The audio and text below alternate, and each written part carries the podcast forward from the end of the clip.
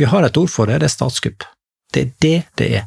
Det er et langsomt uh, utviklende statskupp der de bryter Grunnloven for å underlegge seg uh, uavhengige uh, konstitusjonelle institusjoner og for å samle all makt på ei hand.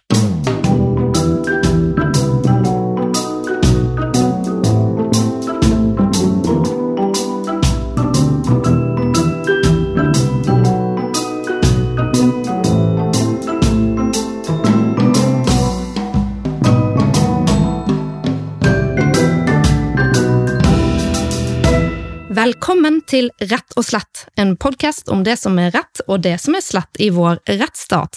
Denne podkasten er sponset av Karnov juridisk forlag.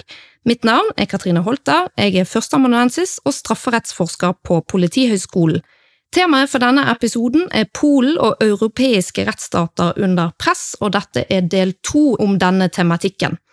Eh, jeg har eh, med meg i dag førsteamanuensis eh, Malgosata Syndekka fra Universitetet i Bergen, som selv er polsk statsborger, og som har jobbet som forsker i mange år på juridisk fakultet. Og jeg har med meg jusprofessor Eirik Holmøyvik, også fra Universitetet i Bergen, som har fast sete i Venezia-kommisjonen, som er altså da Europarådets juridiske ekspertorgan for statsrett, og som har forsket på demokrati og rettsstat i en årrekke. Um, Malgosata, um, vil du si noe om uh, hvordan styresmaktene i Polen har gått frem for å undergrave dommerne? Uh, ja, her må man nevne først og fremst en uh, veldig omfattende hatkampanje som, som polske styresmakter laget Eh, man plukket eh, ut eh, enkelte saker hvor enkelte dommere ble, ble involvert. Og det er jo kanskje ikke så rart at man finner saker hvor man gjorde noe galt, hvis man husker på at vi har jo over 10 000 dommere i Polen.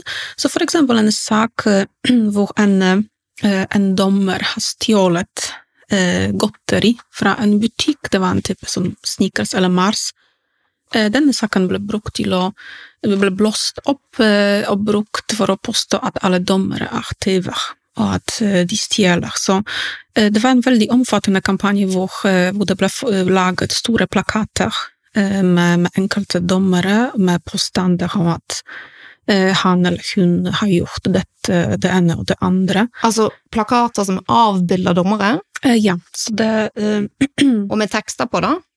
Ja, for eksempel at uh, denne, var, denne, personen var involvert i, i tyveri eller, eller, noe mye, mye, mer, mye mer alvorlig. det som også ble gjort, var at Men hvor, hvor ble de plakatene postet, da? Ja, det er sånne plakater som man bruker i valgkampanje. Så ja. de er jo plassert ved siden av veien. Så okay. for eksempel Altså, vi har Myndighetene lager altså store plakater av dommere og navngir de og hevder at de er kriminelle, og setter det opp langs veien. Ja, det var jo på en måte opplysnings uh, fra, fra uh, Opplysningsarbeid? Ja, ja. så det, det, var jo fremstilt på denne måten. Det er jo helt absurd. Ja, det, det, er jo absurd. Um, det som man også bør nevne, fordi dette fikk ganske mye oppmerksomhet i Polen, var at det var jo enkelte dommere som var nært knyttet til eh, Justisdepartementet, eh, som brukte taushetsbelagte dokumenter eh, som ble lekket eh, ut på blant annet Twitter. Og der sto det ja, mye forskjellig, fordi også dommere er eh, mennesker, de har jo for, de har jo for eksempel skilsmissesaker og så videre. Ehm, så sånne detaljer fra Ble deres... lekket for å ja. undergrave deres troverdighet, fordi at de gjør jobben sin og følger eh, menneskerettigheter og EU-domstolen eh. og den slags, eller var det ja, alle dommere? Ja, det, man kunne jo vinkle det på en sånn måte at eh, befolkningen fikk et inntrykk av at disse, disse prøver å sette seg overfor loven, mens i realiteten så er det øh, kriminelle, rett og slett kriminelle. Så, så, så selvfølgelig, du kan jo, hvis du, hvis du, vet hvordan du kan bruke propaganda, eh, så kan du få nesten alt til å fremstå på en, på en helt annerledes måte. Og mitt ansiktsuttrykk er, for dere som hører på oss, det er ganske oppgitt og litt sånn oppslåtte, sjokkerte øyne her jeg sitter. Eirik Holmeivik, vil du, si, vil du kommentere på dette?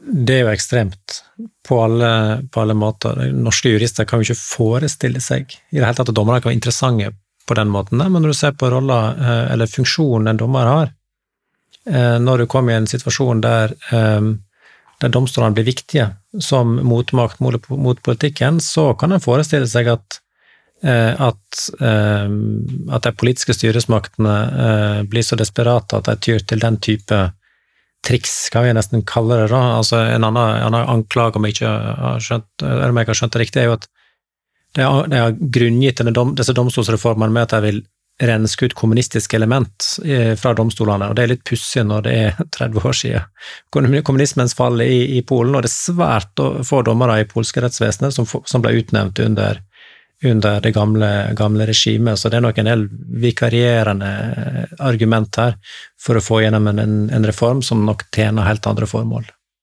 Nettopp.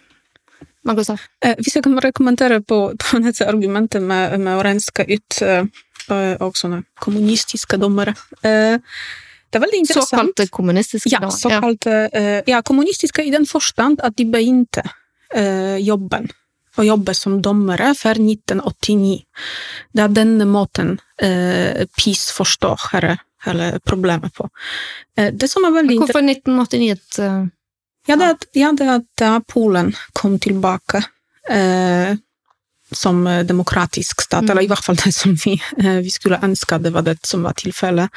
Eh, så det var det året da eh, den berlinske muren falt, og det var det året da Polen fikk for første gang Eh, valg mm. Eh, som ikke ble helt styrt av eh, kommunistiske makter. Og Det er derfor de kan si at dommerne som er altså før 1989, da er såkalte kommunistiske dommere?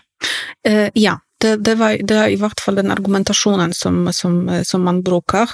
Men det som er veldig interessant, er at en av, et av medlemmene i grunnlovsdomstolen utnevnt av, av PiS, det er en tidligere statsadvokat som forfulgte solidaritet medlemmer, altså de opposisjonelle, på 80-tallet. Så han var uhyre aktiv. Solidaritet medlemmer, det er opposisjonspartiet? Ja.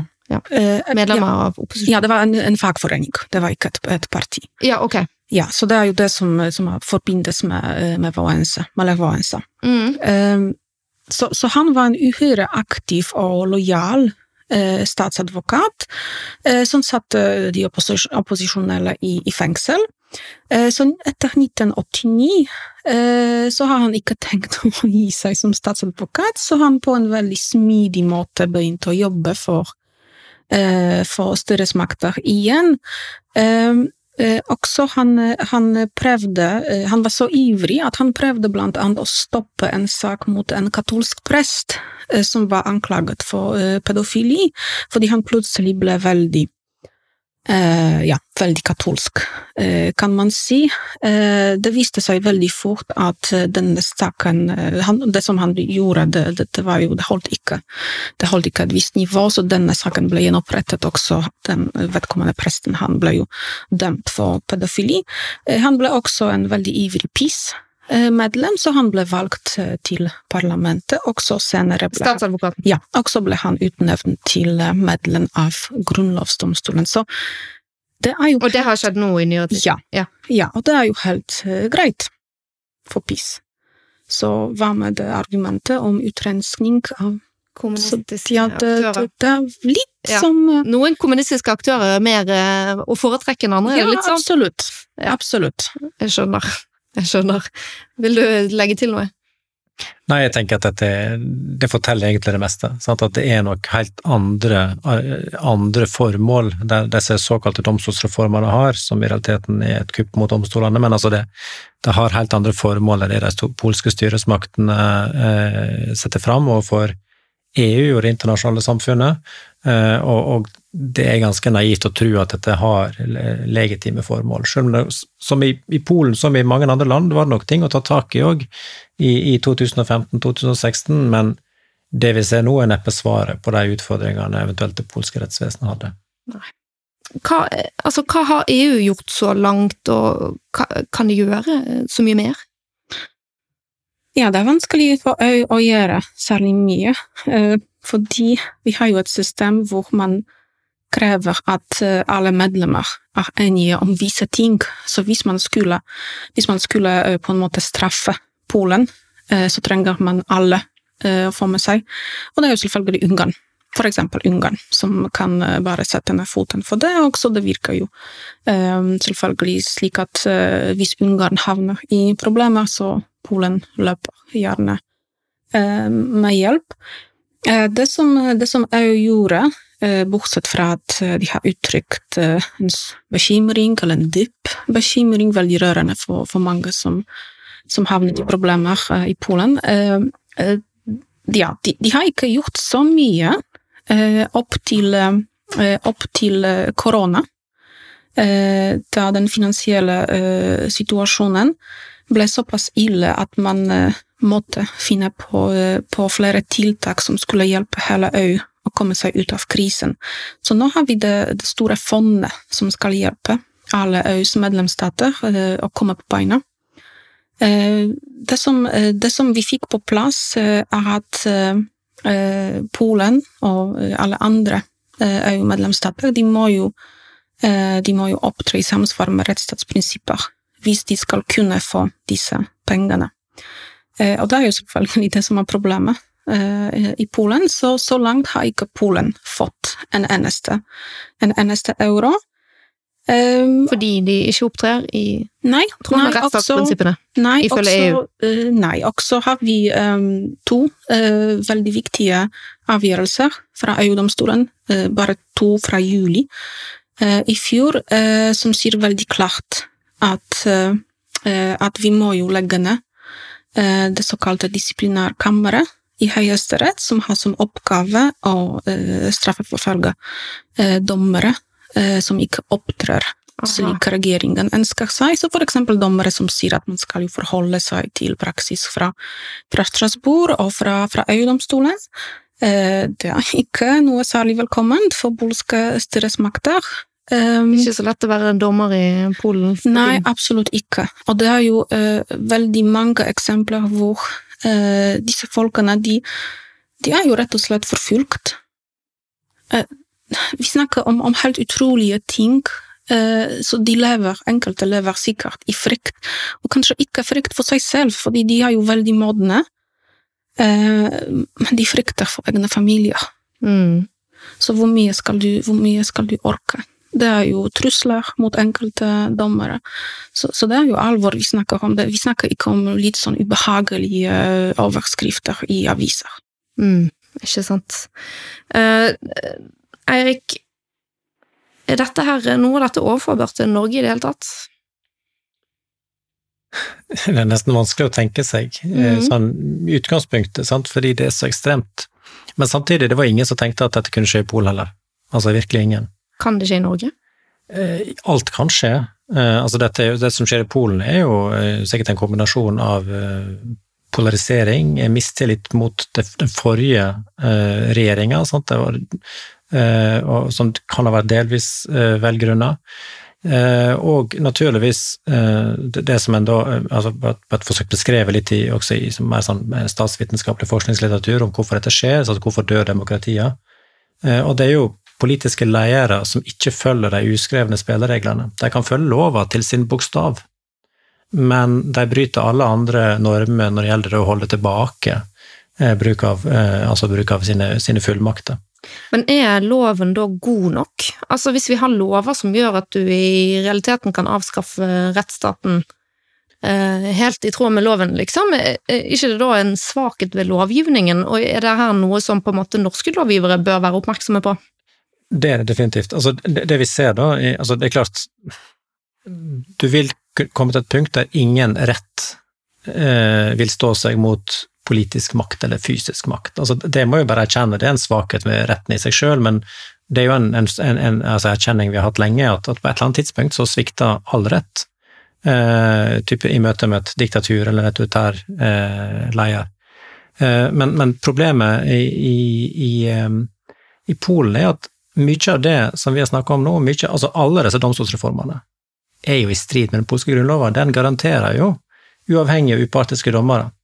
Eh, de garanterer en rettferdig rettergang.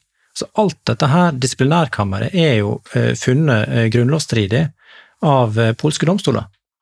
Og, den polske konstitusjonsdomstolen erklærte jo lovreformene knyttet til den samme domstolen, altså i 2016, de ble jo erklært grunnlovsstridige av konstitusjonsdomstolen. Men regjeringa og parlamentet bare ga blaffen. Men hvordan er det i dag? Er konstitusjonsdomstolen, Malgosata, er den, er den under politisk kontroll nå? Ja, absolutt. Ja, den hvis EU-domstolen eller, ehm, eh, eller Strasbourg-domstolen kommer med noe som ikke passer for, eh, for den polske regjeringen, så, eh, så, kommer justisministeren på banen og stiller et spørsmål til konstitusjonsdomstolen om dette er i tråd, eller om det strider ikke mot den polske grunnloven. Mm. Og da sier grunnlovsdomstolen selvfølgelig ja. Så vi har jo erklært deler av EU-retten og um, den europeiske menneskerettskonvensjonen være i strid med den polske grunnloven, og det er jo helt absurd, egentlig. Men er den tredje statsmakt tapt, eller er det helt tapt, eller er det, er det liksom game over? Altså, som Margot Sata sa, det er jo altså det er jo tusenvis av skikkelige dommere. Problemet er at de er fanga i et system der de blir sanksjonert på det på veldig hardt. Eh, og de ser jo hva som skjer med sine kollegaer. Eh, en så det samme i Ungarn, der den tok kontroll over styring av domstolene, og så føyde dommerne seg. Sant? Det er en god forskning som tyder på at altså, den tredje statsmakten er ikke den som står opp, og de føyer seg for eh, lovgiver og den utøvende makta. Det som skjer i Polen, er jo et det, det, det, er et fantastisk uh, mot de dommerne viser. og det er ikke, det, Jeg vil jo tippe at det der er ikke typisk, det å stå opp på den måten de polske dommerne gjør, uh, og marsjere gjennom gatene og protestere. Det er ikke noe dommere typisk gjør. Uh, og jeg vil bare nevne at det vi ser i Polen, sant, det som skjedde før jul, når regjeringa og grunnlovsdomstolen erklærer deler av EU-retten og Den europeiske menneskerettskonvensjonen som i strid med den polske grunnloven, det har vi sett før. Og det har vi sett i Russland. Eh, for et par år tilbake så hadde Venezia-kommisjonen disse grunnlovsreformene i Russland på, på, bordet, og det gjaldt akkurat det samme. Nemlig at tysk, nei, den, den, russiske forfatningsdomstolen må godkjenne dommer fra Den europeiske menneskerettsdomstolen før det kan bli en del av russisk rett.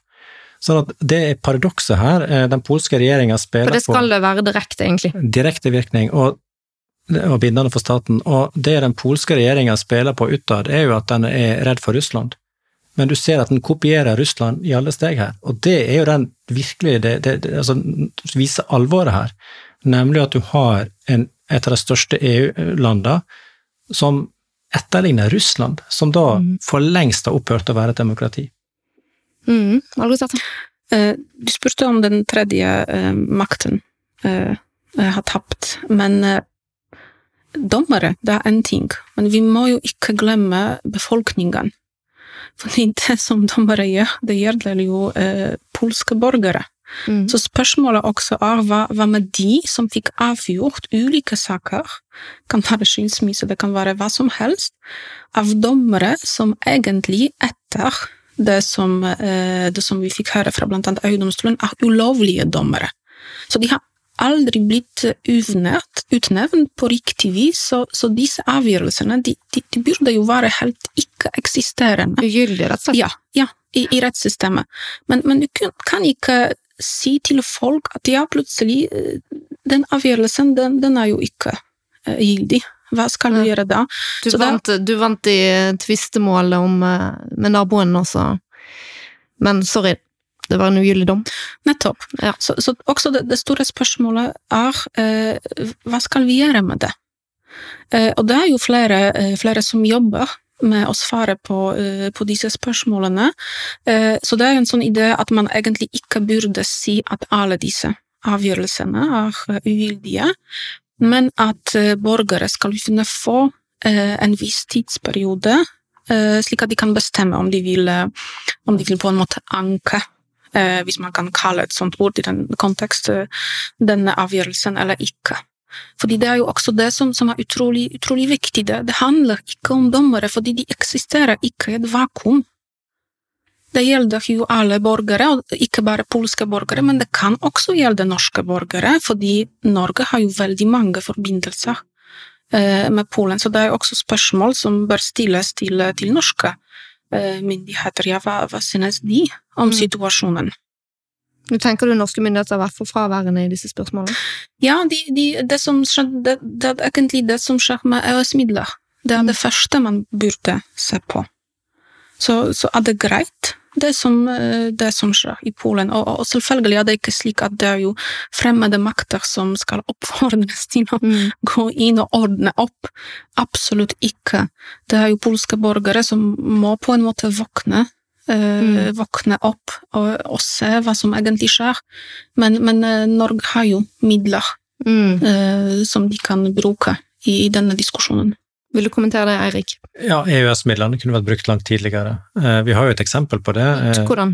Rett og slett ved å stoppe dem, iallfall deler av dem, de som ikke går til sivilsamfunnet, fordi de er et økonomisk pressmiddel. Og det er jo det EU bruker nå, som Algosata sa de kan bruke dette eh, covid-fondet eh, og stille krav til det. Og På samme måte kan vi etter EØS-midlene stille krav til at Polen oppfyller sine forpliktelser etter EU-traktatene. og Det gjør de ikke fordi det er plikt etter EU-traktatene å ha uavhengige og upartiske domstoler.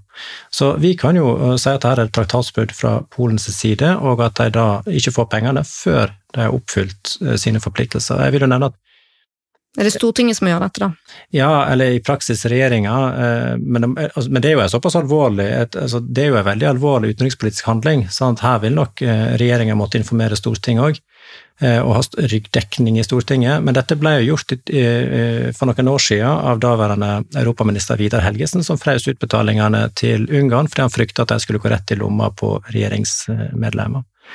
Og det ble et voldsomt oppstyr. Eh, og, og, det har jo vært problem også for, eh, i de siste åra med å få, finne eh, troverdige partnere i Polen og Ungarn for utbetaling av disse midlene. Men når det gjelder Polen, så har, altså, så har ikke hanskene etter Helgesen blitt plukket opp. Jeg utfordra i slutten av 2016, da jeg så veldig klart hvordan dette kom til å gå, utfordra jeg regjeringa på å stoppe midlene, og jeg fikk et svar fra daværende europaminister som var av mer typen bla, bla, eh, vi ser på saka. Eh, og etter det skjer ingenting. Eh, og der mener jeg vi har tapt en mulighet til å gå foran, med å vise at her er det en stat som står nær EU, mens likevel står utafor, som setter foten tydelig ned. For det kan Norge gjøre, og mm. EU-statene har mindre, mindre utenrikspolitisk handlingsrom fordi de må gå gjennom EU. Så her er det en tapt mulighet, men det er jo ennå ikke for seint å, å, sette ned eh, foten, for nå er jo det enda mer alvorlig og enda tydeligere for alle hva som skjer, enn det var i 2016. Hvis jeg bare kan få legge til en ting, det er jo at så Vi tenker at ja, det er jo bare dommere, dette her, sant? men som Margot Sato sier, de blir politisk forfulgt. For meningene, for, for å gjøre jobben sin eh, som statlig tjenestemenn, så blir de forfulgt og sanksjonert. Og det andre her er jo at domstolene, i grunnlov som i Polen, er det veldig tydelig at domstolene er en statsmakt på lik linje med de politiske maktene, president, regjering og parlament. Du har ordinære domstoler, og du har konsesjonsdomstolen. Når du bryter grunnlova for å undergrave disse, hva er det? Vi har et ord for det, det er statskupp. Det er det det er. Det er et langsomt uh, utviklende statskupp der de bryter grunnlova for å underlegge seg uh, uavhengige eh, konstitusjonelle institusjoner, og for å samle all makt på ei hand. Hmm. Det er skummelt. Det er veldig skummelt, og det skjer rett framfor nesa vår i et av de største landene i Europa. Ja, eh, jeg tenker at vi skal ha litt om begreper. Fordi dette her er jo en eh, podkast som handler om rettsstat og rettsstatstematikk. Og det vi snakker om i dag, er jo rettsstater under press, og hvordan rettsstaten dør. Så um, Erik, vil du ta oss gjennom litt sånn eh, ABC? Um, vil alle stater som har et rettssystem, også være en rettsstat? Hvordan skal vi forstå begrepene her? Nei, eh, rett, eh, det, det å ha en rettsstat det stiller krav til innholdet i det rettsvesenet du har. Det er klart Alle stater vil jo ha et rettsvesen, det vil Taliban ha i Afghanistan, men har ingen rettsstat.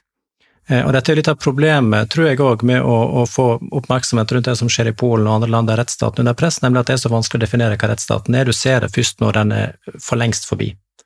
Men eh, Europarådet har, eh, og Venezia-kommisjonen har laga noen retningslinjer for å på en måte identifisere hva er en rettsstat.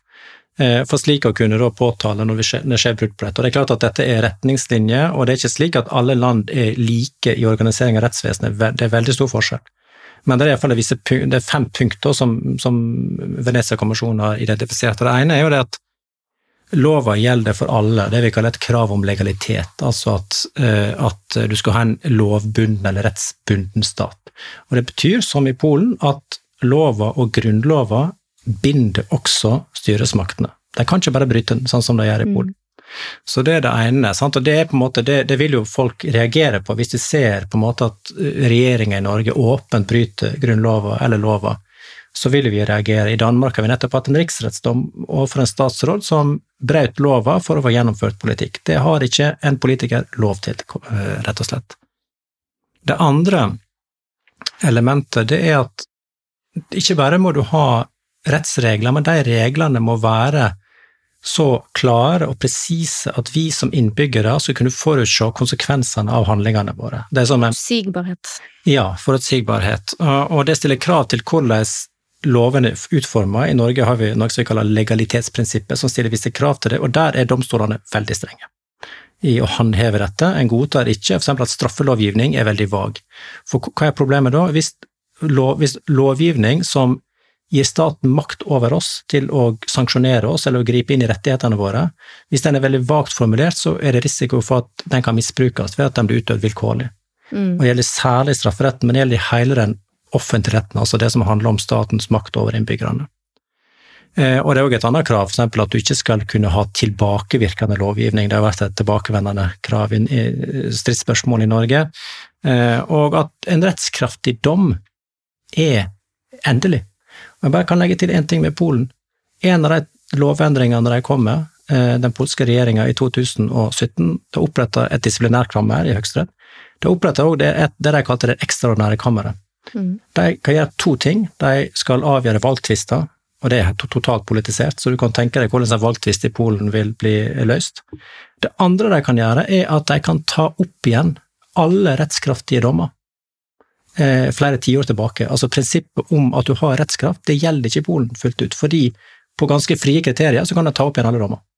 Og endre på resultatet, og, og, og eh, da eh, Slik at du har ikke sikkerhet for den dommen du har fått. Det tredje elementet i rettsstaten er at du skal ha et vern mot maktmisbruk, og det kan ha ulik karakter. Du kan ha eh, domstolskontroll overfor forvaltningsvedtak.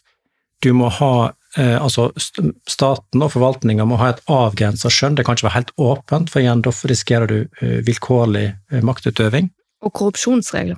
Korrupsjonsregler, krav om grunngjeving for inngrep i rettigheter og tvang osv. Og, så og muligheter for overprøving. Absolutt. Så, så, alt det der, sant? vi kjenner det igjen, og vi på får satt ord på det, så tenker vi at okay, dette, dette er element i det vi kan kalle et vern mot maktmisbruk. Det fjerde elementet er at det må være likskap for lova. Sånn, den gjelder likt for alle. Det er, for lova er ikke det forskjell på stor og liten. Eh, og du må òg ha et diskrimineringsvern som er avgrensa, sånn at forskjellsbehandling det er det med saklig grunnlag. Det er det fjerde elementet vi har identifisert. Og det femte elementet det er at du må ha tilgang til rettsvesenet. Eh, og det kan jo være en utfordring i Norge, der det koster eh, en arm og en fot å mm. komme inn for domstolene i sivile saker. Ja, og jeg vil jo si at uh, prinsippet om likhet for loven er kanskje det prinsippet som jeg tror er under størst press i Norge, nettopp på grunn av at det har blitt så dyrt å gå til sak at, uh, at det er du, du, må faktisk være ganske rik for å kunne få håndhevet din rett i domstol i Norge. Mm. Uh, og for de som akkurat kommer over inntektsgrensen for fri rettshjelp, så er ikke det å gå til domstolen en mulighet i praksis. Og Det er akkurat det. sant? Og det er klart Et annet element er at rettsvesenet var uavhengig og upartisk. sant? Og det der vi ser, der er jo det veldig grove brudd i Polen. Men så er det klart, som du nevner, det er ting å ta tak i i Norge. Det betyr ikke at Norge ikke er en rettsstat, for det er vi definitivt. Og i Norge så er jo Altså, Likhet for loven er jo et prinsipp som gjelder, det er bare det at det i praksis kan være vanskelig å få det realisert alltid. Akkurat, og det betyr at, sant, at det å, det, en rettsstat det er på en måte kontinuerlig vedlikeholdsarbeid. Og, og, og, du kan rette på en del ting. sånn som nå Med tanke på tilgang til domstolene, uavhengige domstoler, så er det nå et arbeid i Norge for å få grunnlovfesta en del av disse prinsippene. For Grunnloven er veldig mangelfull på dette punktet. Men det er klart, det vil jo bare være på det formelle planet, og så handler det da om nettopp som du sier, at inntektsgrense, faktisk tilgang til domstolene, det at du har f.eks. kontroll med styresmaktene, Eh, i form av personer på varetekt osv., som et gjentagende kritikkpunkt mot Norge. Det, det, det der skoen trykker i Norge, kanskje, heller enn det vi ser i, i, Polen, naturligvis. Vi har våre utfordringer, men det er selvsagt av et annet kaliber. Um, Margot Sæther, hva vil du mene at uh, Norge og vår rettsstat kan lære av det som skjer i Polen?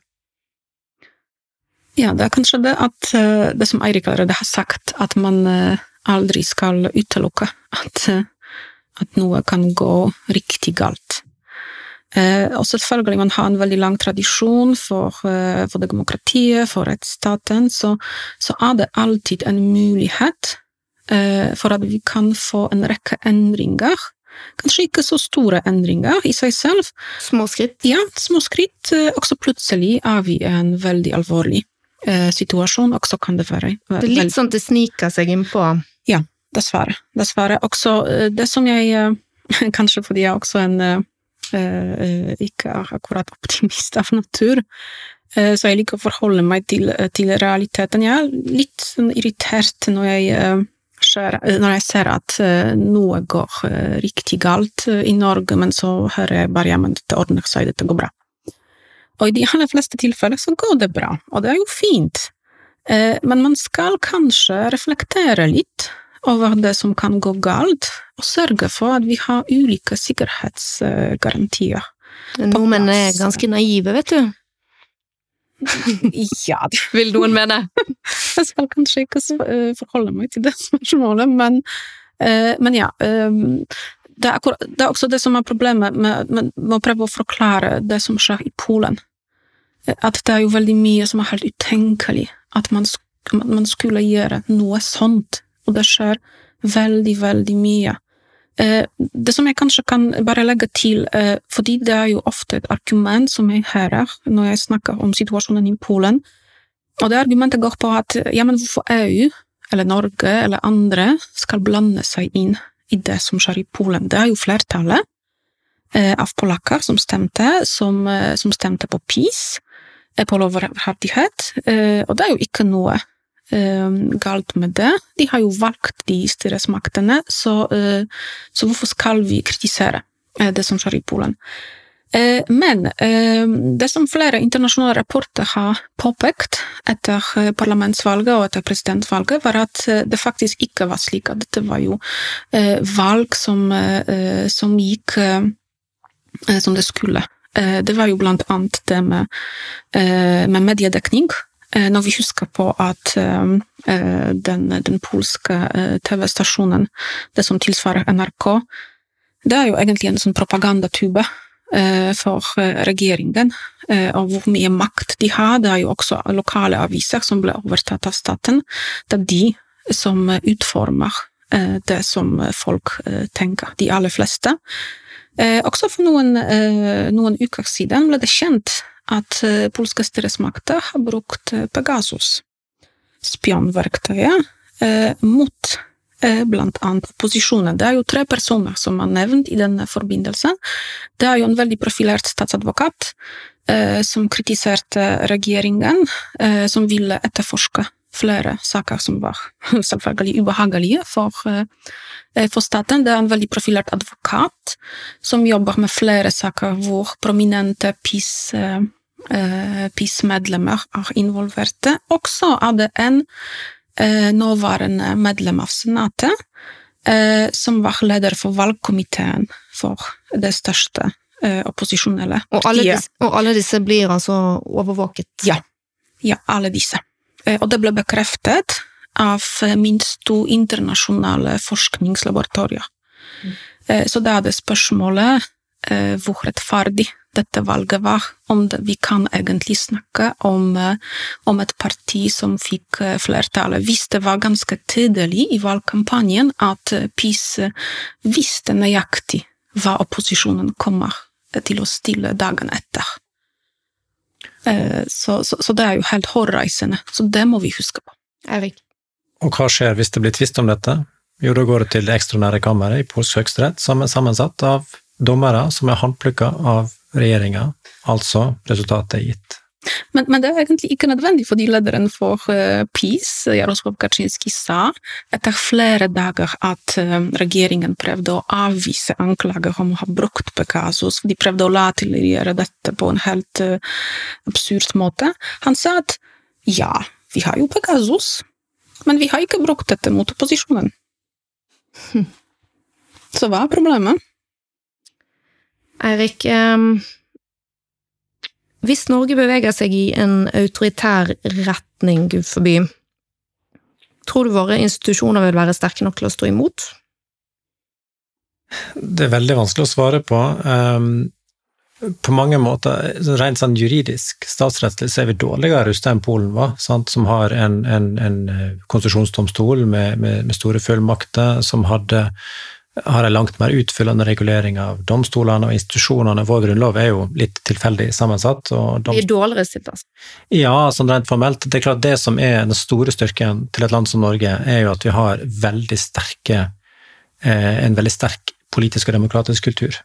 Og det skal ikke vi undervurdere. Sant? Fordi det amerikanske forskere på, som peker på hva gikk galt i USA sant? I, fjor, i, forfjor med Donald Trump og, og maktoverføringer.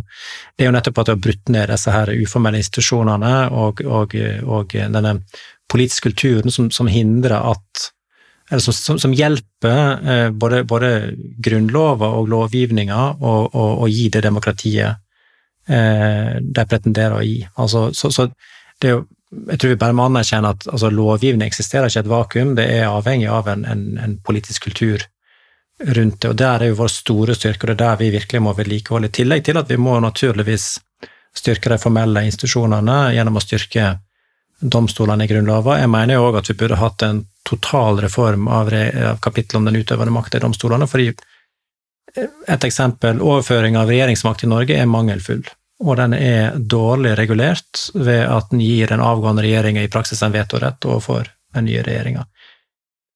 Men nettopp fordi vi har den kulturen vi har, så blir jo ikke disse mulighetene brukt. Men det vi ser på Polen og USA og Donald Trump og en del andre land, er jo at de bruker alle muligheter. Så lenge du kan så vidt forankre det i lova, så bruker de det.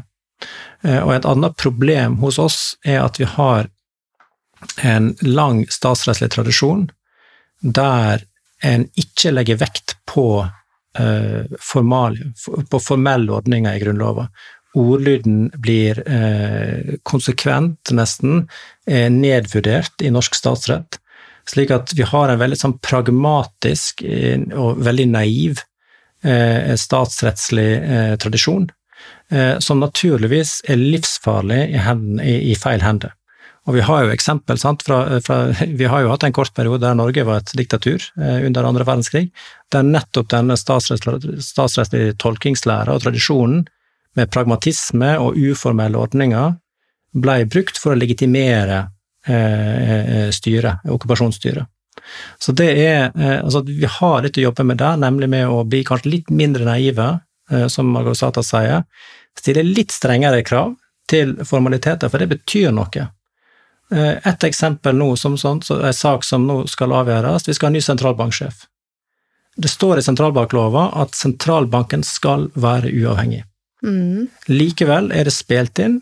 Eh, altså Det som har skjedd da, er at etter ny regjering tar over, så inviterer et politisk styrt departement den parti, tidligere partilederen og gode vennen til nåværende partilederen av det største regjeringspartiet om å søke. Og nåværende statsminister. Yes. Kan, altså, og for en jurist er det helt utenkelig at dette oppfyller krav til uavhengighet, for det er et objektivt krav, sant? Du skal mm. framstå som uavhengig, og det finnes jo ingen sjanse i verden til at vedkommende vil framstå som uavhengig for utenforstående. Sånn det er denne naiviteten, og det vi kan kalle en sånn, sånn, norsk demokratisk eksepsjonalisme. Vi tenker at ja, hos oss kan det aldri gå bra. Mm. Vel, eh, vi har jo våre ting å ta tak i. Eh, Nav-skandalen skulle jo aldri kunne skje i Norge. I Nederland, jeg var rapportør for Venezia-kommisjonen på en stor rapport om den nederlandske trygdeskandalen. Det vi ble fortalt der, sant? tusenvis på tusenvis på tusenvis av mennesker som har fått rettighetene sine krenket på det groveste av den nederlandske trygdeforvaltninga, Uh, ulovlig diskriminering, ulovlige kriterier for, uh, for etnisk profilering av, av, av, personer med dobbelt statsborgerskap. Det vi ble fortalt, var at ja, dette kunne ikke skje i Nederland. Hvordan var det mulig? men det vi òg så, var altså total mangel på parlamentarisk kontroll. Parlamentet hadde ingen maktmiddel mot regjeringa, som kunne bare kjøre på som den ville. Eh, dårlige regler mot nettverksdanning og korrupsjon. Altså Nederland har ikke oppfylt Europarådets antikorrupsjonsorgans eh, minstekrav. De svarer bare med at vi driver ikke med korrupsjon i Nederland. Det finnes det ikke her. Vi driver med nettverksbygging. Men Erik, altså, i Norge så er det jo um, en del jusprofessorer uh, som jeg syns er flinke til å gå ut og tørre å rope høyt og si at stopp en hal, dette som dere driver med nå, det er grunnlovsstridig. Uh, og mitt inntrykk er at det blir litt sånn Nesten litt sånn eh, latterliggjort med alle disse jusprofessorene som roper om grunnlovsstrid for alt mulig. Hva, hva, tenker du om det? Det er vel mange nyanser der, vil jeg tenke. Eh, det er ikke alt Og det, det er jo altså ehm, Jeg vil jo påstå at det er ikke sånn at norske staten driver med grunnlovsbrudd i tid og utide, og jeg opplever jo òg at um, både altså de politiske institusjonene og sentralforvaltningen er jo veldig opptatt av å gjøre ting på riktig måte. Og så er det litt av problemet her kanskje at når du blir møtt med et sånt skuldertrekk, så er det kanskje fordi eh, både media, men også folk flest, kanskje ikke skille mellom ulike typer grunnlovsbrudd. Av og til ja. så kan vi snakke om Det tror jeg er veldig riktig, altså. Formaliabrudd. Altså, jeg skrev jo en utgreiing for koronakommisjonen om eh, styresmaktenes håndtering av covid-19 i den første delen av pandemien. Og der var Et av mine funn var at regjeringa brøt den saksbehandlingsregelen vi har i Grunnloven som sier at viktige saker skal behandles i statsråd. Det var ganske opplagt brudd, men du kunne så enkelt dokumentere. Og det erkjente statsministeren òg. Og der var jo på en måte der måtte det, det ble jo blåst ganske mye opp, og det er et viktig altså det, det var en alvorlig feil, men samtidig så må vi òg Altså, det var ikke noe misbruksformål. Eh, Utover at de ikke kalte inn statsråd, så gjorde regjeringa alt riktig. Den stilte seg bak beslutninga til Helsedirektoratet, som, som, gjorde det formelle vedtaket. Eh, og de tok ansvaret, og de forsøkte ikke å springe fra ansvaret. Det kunne blitt alvorlig dersom du hadde hatt en regjering som bare var litt på sidelinja og venta og se hva som skjedde. og Dersom disse tiltakene sto feil, så ville en ikke ta ansvar. Da hadde det vært et kjempeproblem. Men, men altså, regjeringa til Solberg gjorde ikke det. Sant? Så den gjorde på en måte alt rett, bortsett fra at de bomma litt på Grunnloven, men de fulgte lova. Så og der tenkte jeg at der var det viktig å nyansere alvoret i det grunnlovsbruddet. Ja, ikke sant. Altså, for eksempel um, denne skjenkesaken som var mye omtalt uh, blant annet i VG i sommer i Kristiansand, der uh, disse um, barene måtte henge opp en sånn plakett som det sto at personer med legaliseringssymboler var ikke velkomne på dette stedet. sant? Uh, der uttalte jeg på Dagsnytt 18, når jeg var med der i en sånn skrekkslagen seanse, min første, at jeg mente at det var grunnlovsstridig og i strid med ytringsfriheten å henge opp en sånn plakett, og at myndighetene på en måte satte det som et vilkår. Men det er jo helt klart at selv om det er alvorlig nok, så, så det, å, det, å, bruke ordet grunnlovsstrid, det er jo litt eh, Det kan oppfattes som veldig voldsomt, da. Det veldig, høres veldig sterkt ut, men det er jo Det der var jo ikke det mest alvorlige grunnlovsbruddet man kan finne. Nei, og jeg tenker at det er jo ille nok hvis de bryter lova. Altså, på en måte, det er, Hvis du tenker vi går tilbake til disse her kriteriene for rettsstaten, legalitet, sant, det at lova binder også styresmaktene. Det gjelder både grunnlov og lov, men Eh, veldig mye av de ordningene vi, som er viktige for den norske rettsstaten, for demokratiet, for velferdsstaten, for hele vårt økonomiske system, det er jo lovfesta. Mm. Eh, så det er ille nok. Og så er det klart at i en del tilfeller, det har vi sett særlig nå med pandemien, det er ikke alltid enkelt, i særlig spesielle situasjoner som vi står oppe i nå, å alltid avgjøre klart på forhånd hva, hva krever lova. Særlig eksempel hva krever de europeiske menneskerettene der hadde nok, eh, har nok kanskje eh, både meg sjøl til tider, men også en del av mine kollegaer kanskje vært litt for bastante om krava Den europeiske menneskerettskonvensjonen stiller, og kanskje ikke tatt tilstrekkelig hensyn til at den gir også statene handlingsplikt og, en, og, og en, et, et, et, et, et, rom for skjønn i en veldig vanskelig mm. Eh, og usikker Eh, krisesituasjon. Mm. Så, så, det er nok um, Jeg tror det er alltid viktig, når, alt når det gjelder juss, at vi er klare på nyanser. Og at det er veldig sjelden det er svart og hvitt i, i jussen. Og da skal vi bevege oss inn for landing her. Um, Margusata, litt sånn avslutningsvis um, Hva tror du blir endgame i Polen? Hvor tror du dette fører? Det er veldig, veldig vanskelig spørsmål å, svare på. Det er jo selvfølgelig veldig mange som håper på at vi får uh, parlamentsvalg uh, så fort som mulig, og med alle de uh, skandalene som, som regjeringen har ansvaret for, så, så, håper man på at regjeringen ikke kommer til å få flertallet noen gang. Eh, men om det kommer til å skje, det er et veldig, veldig stort eh, spørsmål, fordi det er jo også slik at posisjonen er veldig, veldig delt. Eh, og det er jo dessverre slik at enkelte fra opposisjonen de, Det virker som om de er mer opptatt av å kverke hverandre enn å gjøre egentlig noe som, som, ville være fornuftig med tanke på at nå må vi stoppe den galskapen som, som, PiS, som PiS driver med. Eh, så, så, om det skjer, det, det, vet jeg ikke. Jeg kan bare håpe på, eh, på, det beste. Samtidig så er jeg veldig bekymret eh, for det som skjer, fordi jeg ser jo at det er jo nesten hver eneste dag vi får høre om, om et nytt steg, nytt skritt, fra, fra regjeringen, eller fra, særlig fra justisministeren. Så det er jo alvorlig, og det er jo veldig tydelig at de ikke har tenkt å Eh, ja, roe seg ned, rett, rett, og slett, til tross for det som de påstår når de uttaler seg eh, i Brussel, eh, for eksempel. Mm. Helt til slutt ehm, så spør jeg alle gjestene mine om de vil fremheve noe som de syns er rett eller slett i vår rettsstat. Og da begynner vi med deg, Eirik. Ja, godt spørsmål. Jeg tror Eh, det er nok mange ting en kan framheve. Jeg tror eh, på slett så vil jeg framheve det vi snakker om, nemlig at eh, det er for dyrt å komme til domstolene. Det er litt utenfor mitt fagområde, men det er viktig. Og når det gjelder rett, så tenker jeg der er veldig mye godt som blir gjort overalt i hele eh, rettsvesenet, i sivilsamfunnet osv. Så, videre. så jeg tenker at det er grunn til å framheve alt som går bra i Norge òg, og det er hele den pakka. Eh, Heldigvis veldig mye. Ja, og det er denne her, eh, det vi kan si, rettsstatskulturen vi har. Men det, det vil kanskje si at vi må aldri slutte å snakke og diskutere og krangle om denne rettsstaten, så lenge vi gjør det for å bygge den, og ikke rive den ned, som vi ser i andre land. Opprettholde eh, stor bevissthet, da. Ja. Og det er denne podkasten et forsøk på å bidra til. Margot Sate?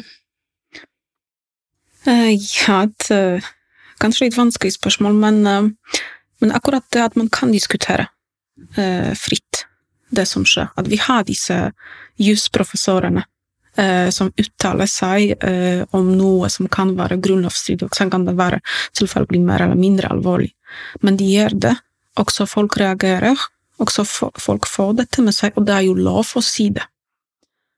Eh, så det er jo ikke slik at du, du kommer til å bli hindret eh, fra, fra å si ifra. Um, ja, på, på, den motsatte siden um, Ja, kanskje er det slik at man ofte har Man stoler litt for mye på, på myndigheter. Og det er jo kanskje veldig kontroversielt å si dette nå, i koronatiden, eh, med, alt som eh, både den, tidligere regjeringen prøvde å gjøre for at vi kommer oss trygt over den fryktelige krisen og den nåværende regjeringen, og det er veldig mye som skurrer, selvfølgelig. Men det at man ja, kanskje stoler litt for mye på det som staten sier, man skulle være litt mer eh, skeptisk eh, i visse, visse tilfeller. Eh, samtidig så er det på ingen måte en oppfordring til noen konspirasjonsteorier, eller, eller den slags, så, så, så, jeg må ikke bli misforstått Ja, og det, dette her var jo Hans Petter Graver inne på i eh, episoden om eh, pandemi og rettsstat, som jeg hadde med han tidligere, der han trakk frem nettopp dette skillet mellom tillit og det som blir lydighet. Mm. Eh, Og når denne tilliten blir blind, eh, så det er ikke nødvendigvis et veldig godt utviklingstrekk. Nei, og også den balansegang, den er jo kjempevanskelig. Ja. Så, så, så det er ikke lett å si hvordan man egentlig skulle gjøre det. Men det å være oppmerksom på det, det, det synes jeg er et godt utgangspunkt. Mm, og så vil det jo være også sånn at en pandemi har ulike faser. Så da har vi kommet til veis ende i dag. Det har vært utrolig fint å ha dere begge i studio. Eh, og takk også for dagens følge til dere som hører på oss der hjemme. Ikke glem å abonnere på denne podkasten hvis den faller i smak, og legg også gjerne igjen noen stjerner hvis du har likt dette. Neste episode blir domstolsreformen her i Norge. Det er jo et veldig fint tema for å følge opp, det som vi har vært inne på i dag. Eh, Og eh, hvordan vi eh, som, som ja, engasjerte borgere bør følge med på denne debatten. Det får du høre mer om i neste uke. Takk for i dag.